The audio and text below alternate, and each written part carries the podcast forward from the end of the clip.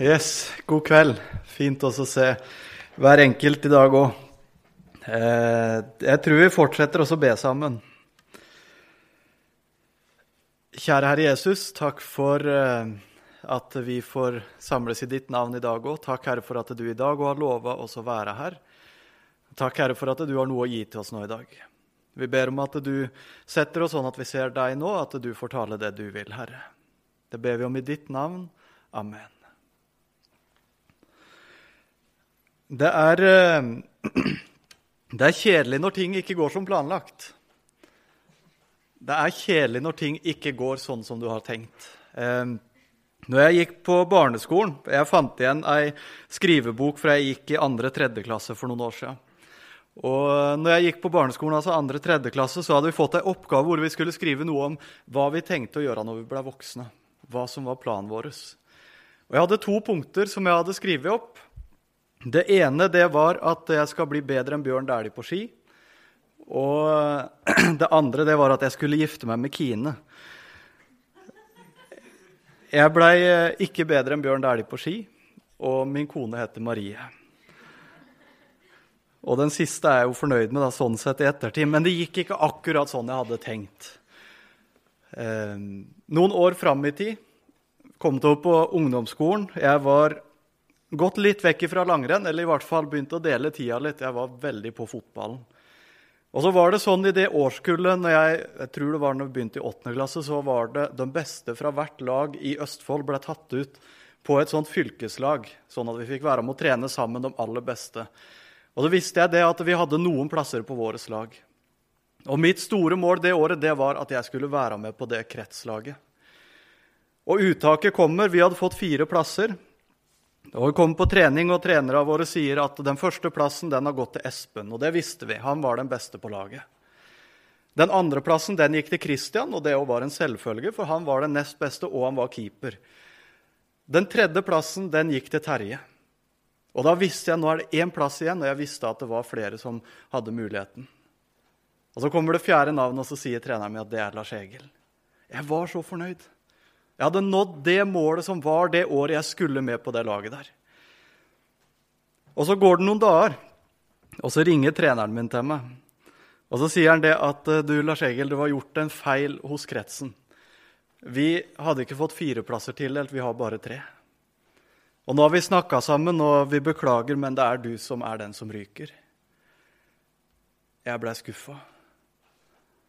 Det var rett og slett sånn at hele verden min datt i grus. Det var den ene tingen jeg absolutt skulle det året der. Og så får jeg beskjed, til og med etter å ha fått beskjed først at jeg skulle få være med, så sier de at 'sorry, Lars Egil, du kan ikke'. Det gikk ikke sånn som jeg hadde tenkt. Jeg ble sur, jeg ble bitter, jeg ble skuffa. David han har blitt gammel. Vi er i første kongebok 1. Folket ser det. Hans familie ser det. Hans kone ser det. Hans barn ser det. Han sjøl ser det. David er gammel. Og de forstår det at det nå går tida mot at vi må ha en ny konge i Israel. David ser det sjøl, så han har utpekt og sagt at Salomo skal bli konge etter meg. Det er vel kjent, folket veit det, Salomo veit det sjøl. Det er Salomo som skal arve trona etter David. Og så er det sånn at det var egentlig ikke Salomo som var den neste i linja. For David har en sønn som heter Adonia. Og Adonia han var eldre enn Salomo. Davids fjerde sønn Adonia. Og så står det i første kongebok gjennom Adonia at han var aldri blitt tukta av faren sin. Så det kan virke som at Adonia han var en fyr som var en villstyring. Han bestemte veien sjøl. Han la planene, han fulgte sin vilje og brydde seg ikke stort om hva andre hadde å si. Adonia var aldri blitt irettesatt av faren sin. Det står òg om Adonia at han var meget vakker. og Det er noe som står både om David og flere av hans sønner. Det er tydeligvis noe som går i familien her. Kanskje en populær fyr. De tre eldre brødrene til Adonia de er døde alle sammen. Det betyr at Adonia han er egentlig den neste i rekka til å overta trona i Israel. Og Så står det i første kongebok 1 at Adonia gjorde seg høye tanker. Og så sier han at 'jeg vil bli konge i Israel'. Jeg vil ha trona etter min far, jeg vil ha trona etter David. Han mener sannsynligvis at det er hans rett. Og det er helt naturlig, han veit det. Jeg er den eldste gjenlevende av Davids sønner. Det er min rett. Jeg skal ha kongetrona i Israel. Så Adonia, som har hørt at Salomo egentlig er utpekt av David, han begynner lobbyvirksomhet. Og jobber rundt der på slottet, kanskje rundt i den nærmeste kretsen, og skaffer seg støttespillere. Og Joab og Abiatar det er to av dem som støtter Adonia i dette her. Så med deres hjelp så så steller Adonia i stand et selskap ved En Rogel. Det er en plass som ligger rett utafor Jerusalem. Og Adonia ber inn brødrene sine. Og Adonia ber inn kongens tjenere, de som står nær David, de som hjelper David. Adonia ber dem inn til selskapet hvor han skal krones til konge. Men Adonia er smart, så han sørger for at Salomo blir ikke innbudt. Heller ikke andre potensielle motstandere blir bedt inn til dette selskapet. Kun dem som kommer til å støtte opp under at Adonia tar trona. Og med det selskapet så kupper Adonia Salomos trone. Han begår statskupp i Israel. Sørger for å ta det som han mener at han har rett på. Men profeten Nathan og Batseba får med seg hva som har skjedd. Og de forstår at noe må gjøres. Så de går til David og de sier akkurat hva Adonia har foretatt seg. Og De sier at den trona David som du har lova at Salomo skal få etter deg, nå har Adonia tatt den. Han har kuppa den, han har krona seg sjøl til konge, og han hevder at han er Israels konge. Du hadde lovt, sier Batseba, du hadde lovt at det var min sønn, at det var Salomo, som skulle bli konge. Så hva gjør du nå? Det er ikke rett, det som har skjedd. Det Adonia har gjort, det er ikke rett. Det er litt av et svik. Han har rett og slett tatt trona til storebroren sin. David han handler raskt, sånn som han har gjort gjennom sin ja, kongegjerning. Så David han får kalt inn folk, og de sender et følge som tar med seg Salomo til Gion, som er et annet sted rett utafor Jerusalem. Og ved Gion så blir Salomo, med Davids velsignelse, salva til konge over Israel. Der kommer motangrepet. Der kommer egentlig nådestøtet imot Adonia sitt statskupp. Salomo blir salva til konge. Og så står det sånn i første kongebok at hele folket følger Salomo. Døm, ser nå har vi fått vår rettmessige konge. Nå er Salomo blitt vår nye konge. Framtida er sikra. Nå har det gått sånn som det skulle gå. Og så er jubelen så høy at det står rett og slett at jubelen står sånn i taket at jorda revner ved lyden. Det er kjempefest blant folket etter at Salomo blir salva til konge. Men Adonia han sitter fortsatt ved en rogel og det står så detaljert at de er akkurat ferdig med å ete i dette selskapet. Når Adonia og hans støttespillere hører lyden nede i Jerusalem. De hører jubelen over en ny konge og stiller det naturlige spørsmålet hva er det som skjer? Hva er det som foregår inne i Jerusalem? Og det er da budskapet kommer til Adonia, at David har gjort Salomo til konge. Det er den lyden dere hører. Byen er i røre. Det er full fest. Salomo har blitt konge. Når Adonia og hans støttespillere hører det der, så blir de forferda. De blir regelrett livredde. Alle sammen forsvinner én etter én. Alle som har støtta Adonia, tar beina fatt og kommer seg vekk ifra Adonia.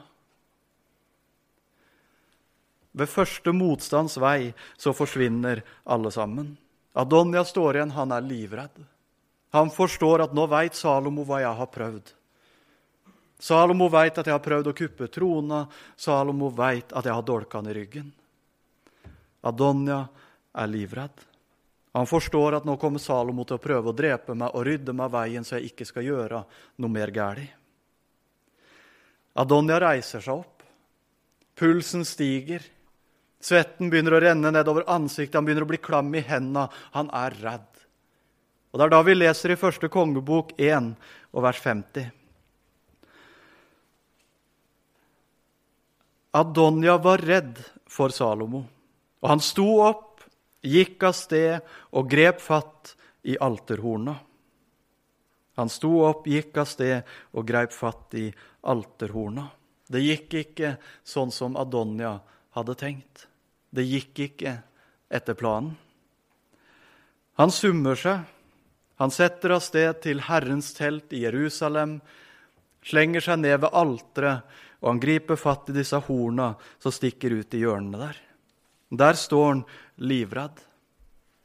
Og så skal vi se litt på dette brennofferalteret, der hvor Adonia går og kaster seg ned.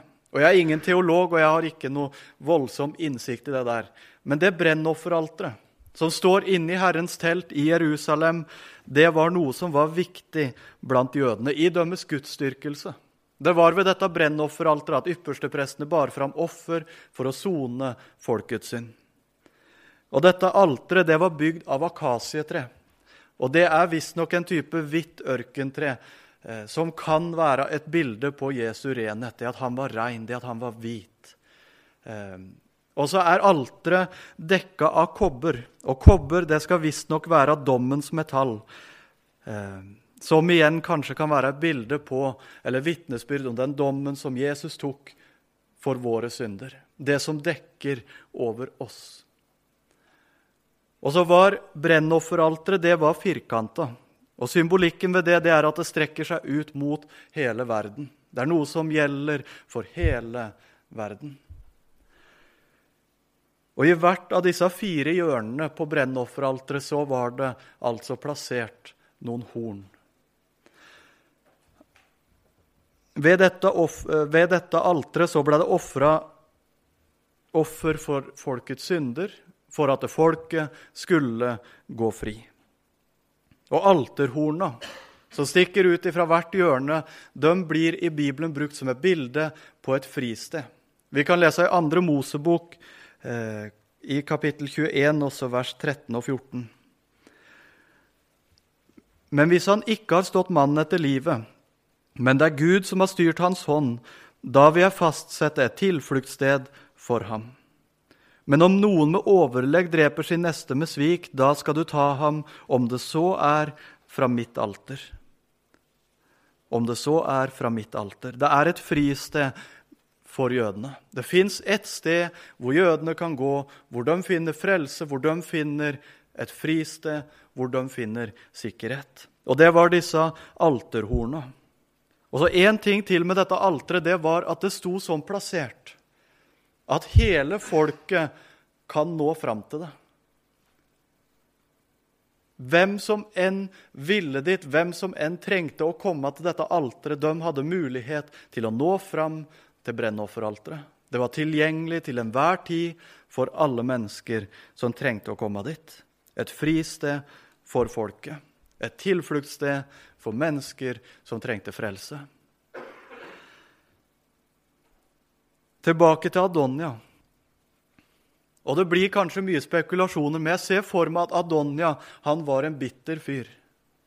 Det kan virke sånn i forhold til det som står i Bibelen, som beskriver hvordan han gikk fram. Og jeg kan på mange måter forstå det. Han mener at han har rett på Israels trone. Han veit at jeg har tre brødre som er eldre, men alle tre de er døde.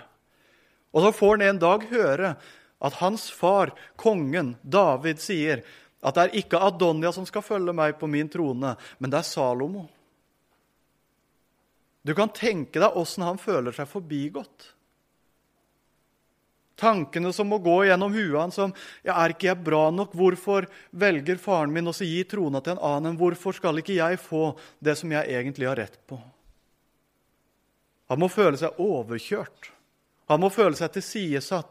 Og jeg kan se den at det muligens vokser fram en type bitterhet hos Adonia i forhold til dette her.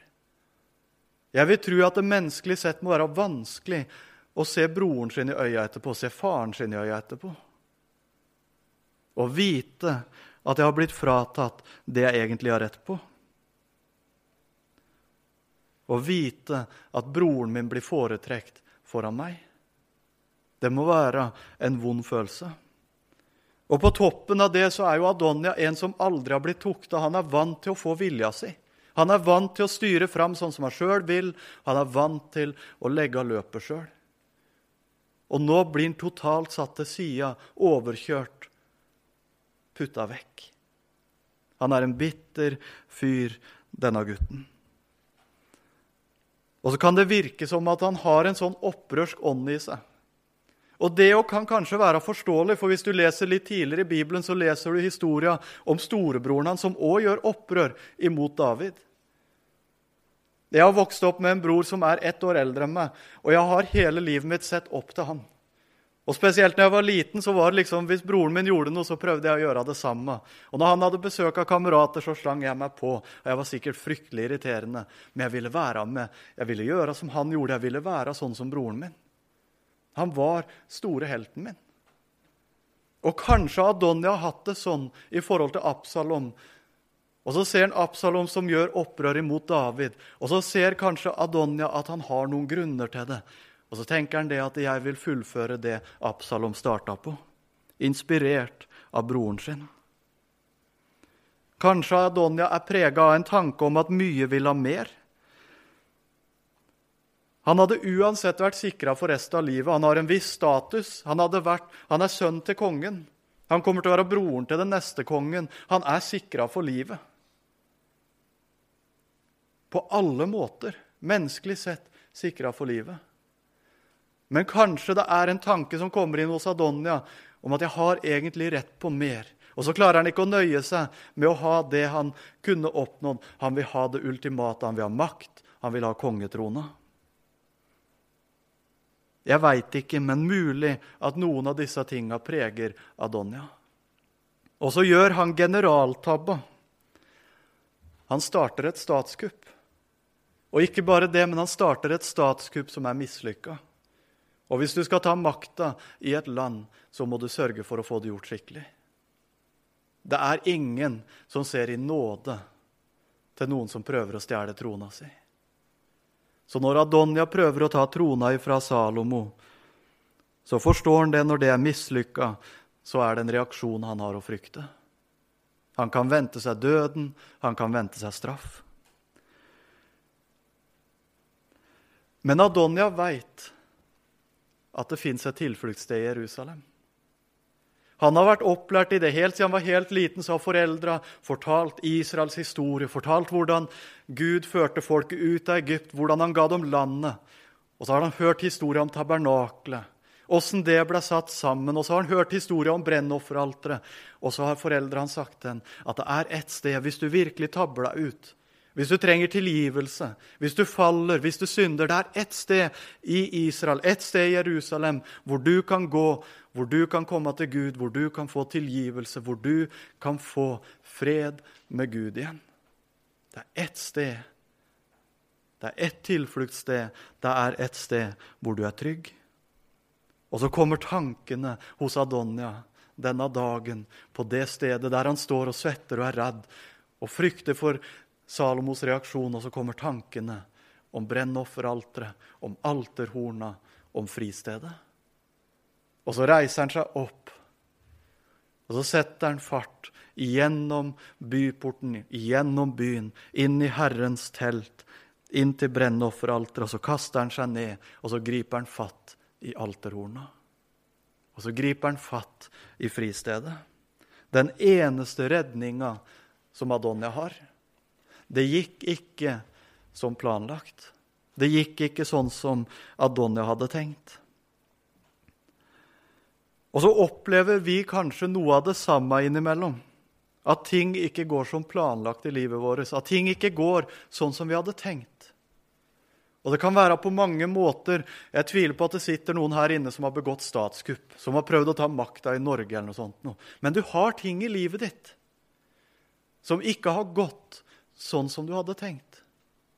Kanskje du tenker på synd, kanskje du tenker på andre ting, men det er noe som ikke har gått sånn som du ville.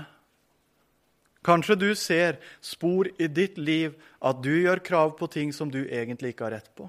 Men du mener at du har rett på det, og så gjør du krav på det, og så er det ikke rett.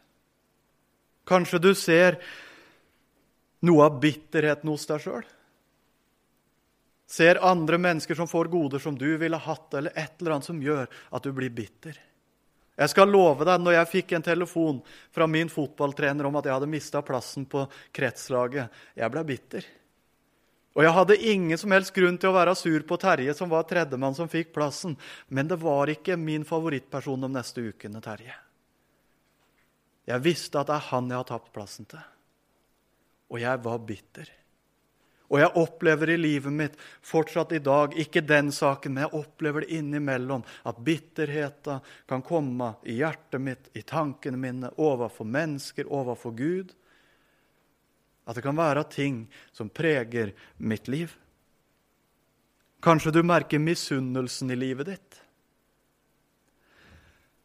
Kanskje du ser noe av den opprørske ånda i livet ditt. Noe av det samme som preger Adonia. Kanskje det er snakk om egoisme. Jeg tror det. Ofte i kristne sammenhenger så snakker vi litt ned det med ambisjoner. Vi skal ikke tro at vi er noe og får til noe. Ambisjoner er en fantastisk ting.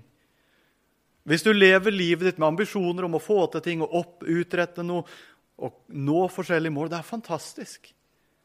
Og det er fantastisk med mennesker som faktisk gjør det, bestemmer seg for å gå et sted og faktisk gjør det. Problemet oppstår hvis ambisjonene går over til egoisme, og at jeg skal, og jeg er villig til å tråkke på andre mennesker for å komme dit, og det ene og det andre. Kanskje du er en av dem som ser egoismen ekstra godt i livet ditt. Men det er forskjellige ting som viser seg. Det kan være overfor mennesker. Vi er svikefulle, vi er misunnelige. Vi kan gå til drastiske midler for å tilrive oss ting som vi kanskje ikke har krav på. Det kan være mange ting. Og vi ser det i møte med Gud. Ting i livet vårt som ikke er sånn som det skal være. Ting i livet vårt som ikke går sånn som det skulle gått. Vi har på mange måter gjort generaltabba. Vi har gått til statskupp imot Gud. Vi har prøvd å ta den trona som Gud har rett på. Jeg ønsker å være herre i mitt liv. Det er det som preger mitt liv veldig ofte. Jeg ønsker å ta den trona i mitt liv som Gud egentlig skal ha. Prøver å ta Guds plass. Tenker kanskje at han må tilpasse seg min vilje, min plan. Jeg skal styre dette her. Det er måter som jeg ser i livet mitt at jeg gjør opprør imot Gud på. Jeg bestemmer, jeg har en plan, jeg vil ha makt. Det er liksom det som preger den menneskelige tanken veldig ofte. Adonia han klamrer seg fast i alterhornet. Vi er tilbake denne dagen i Jerusalem. Adonia har gått til tilfluktsstedet. Adonia har gått til fristedet, der hvor han kan finne tilgivelse, der hvor han kan finne frihet. Og Så leser vi videre i første kongebok 1, og vi leser vers 51-53. Og det ble meldt Salomo. Adonia er redd kong Salomo. Og nå har han grepet fatt i alterhorna og sier, Kong Salomo må ennå i dag love meg med ed at han ikke vil la sin tjener dø for sverdet. Da sa Salomo, vil han være en bra mann, skal det ikke falle et hår av hans hode til jorden men blir det funnet noe ondt hos ham, skal han dø.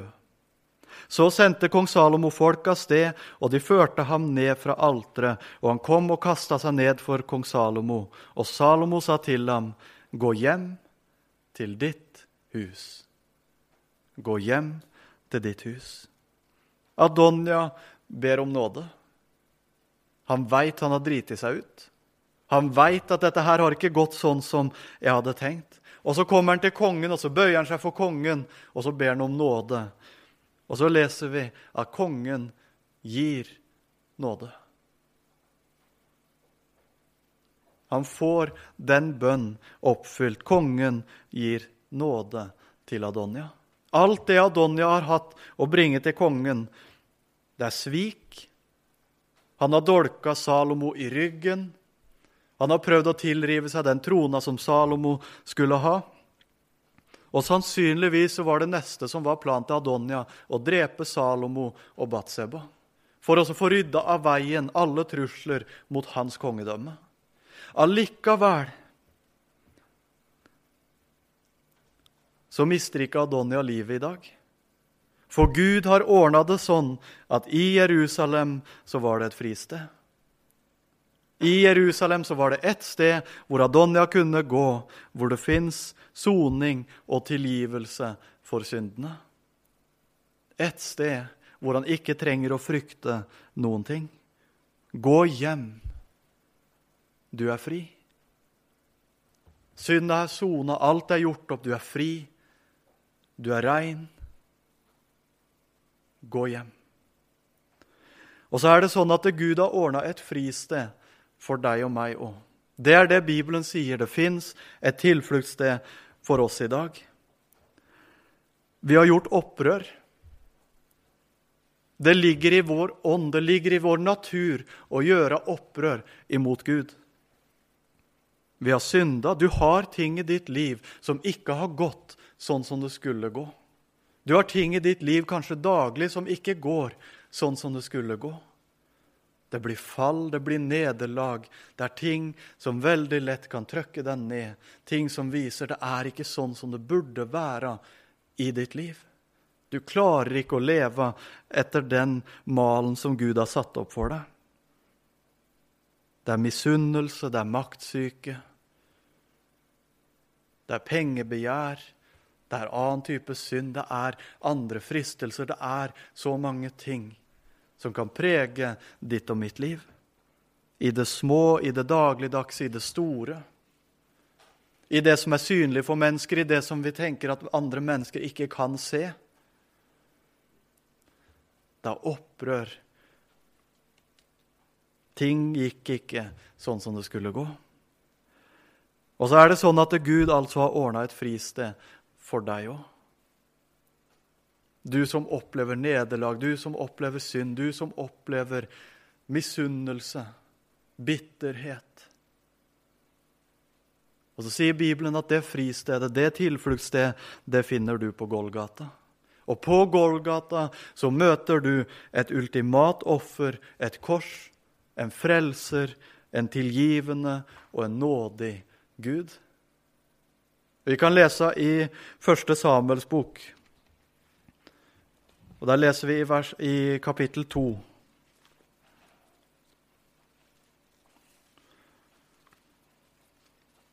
Og så leser vi vers 10. Hver den som strider mot Herren, skal bli forferda. Han lar det tordne i himmelen over ham. Herren dømmer jordens ender. Han vil gi sin konge styrke og opphøye sin salvedes horn. Og opphøye sin salvedes horn. Og så leser vi Lukas 1, vers 69. Han oppreiste for oss et frelsens horn i sin tjener Davids hus. Han oppreiste for oss et frelsens horn.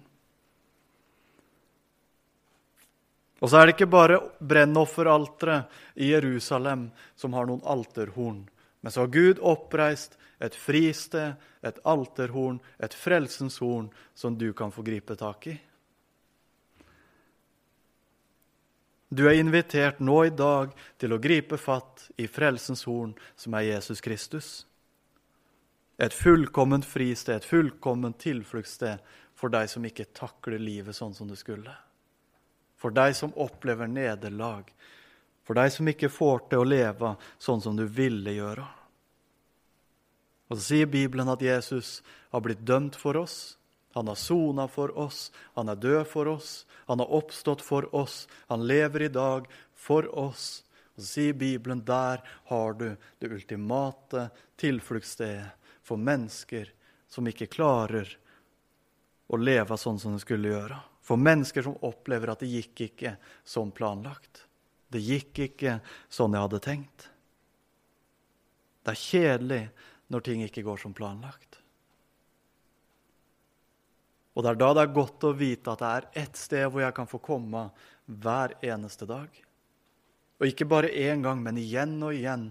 Uansett hvordan det måtte ha gått galt, uansett hva jeg måtte trenge. Det er ett sted som står der, og det er tilgjengelig til enhver tid for alle mennesker som trenger å få komme til Jesus.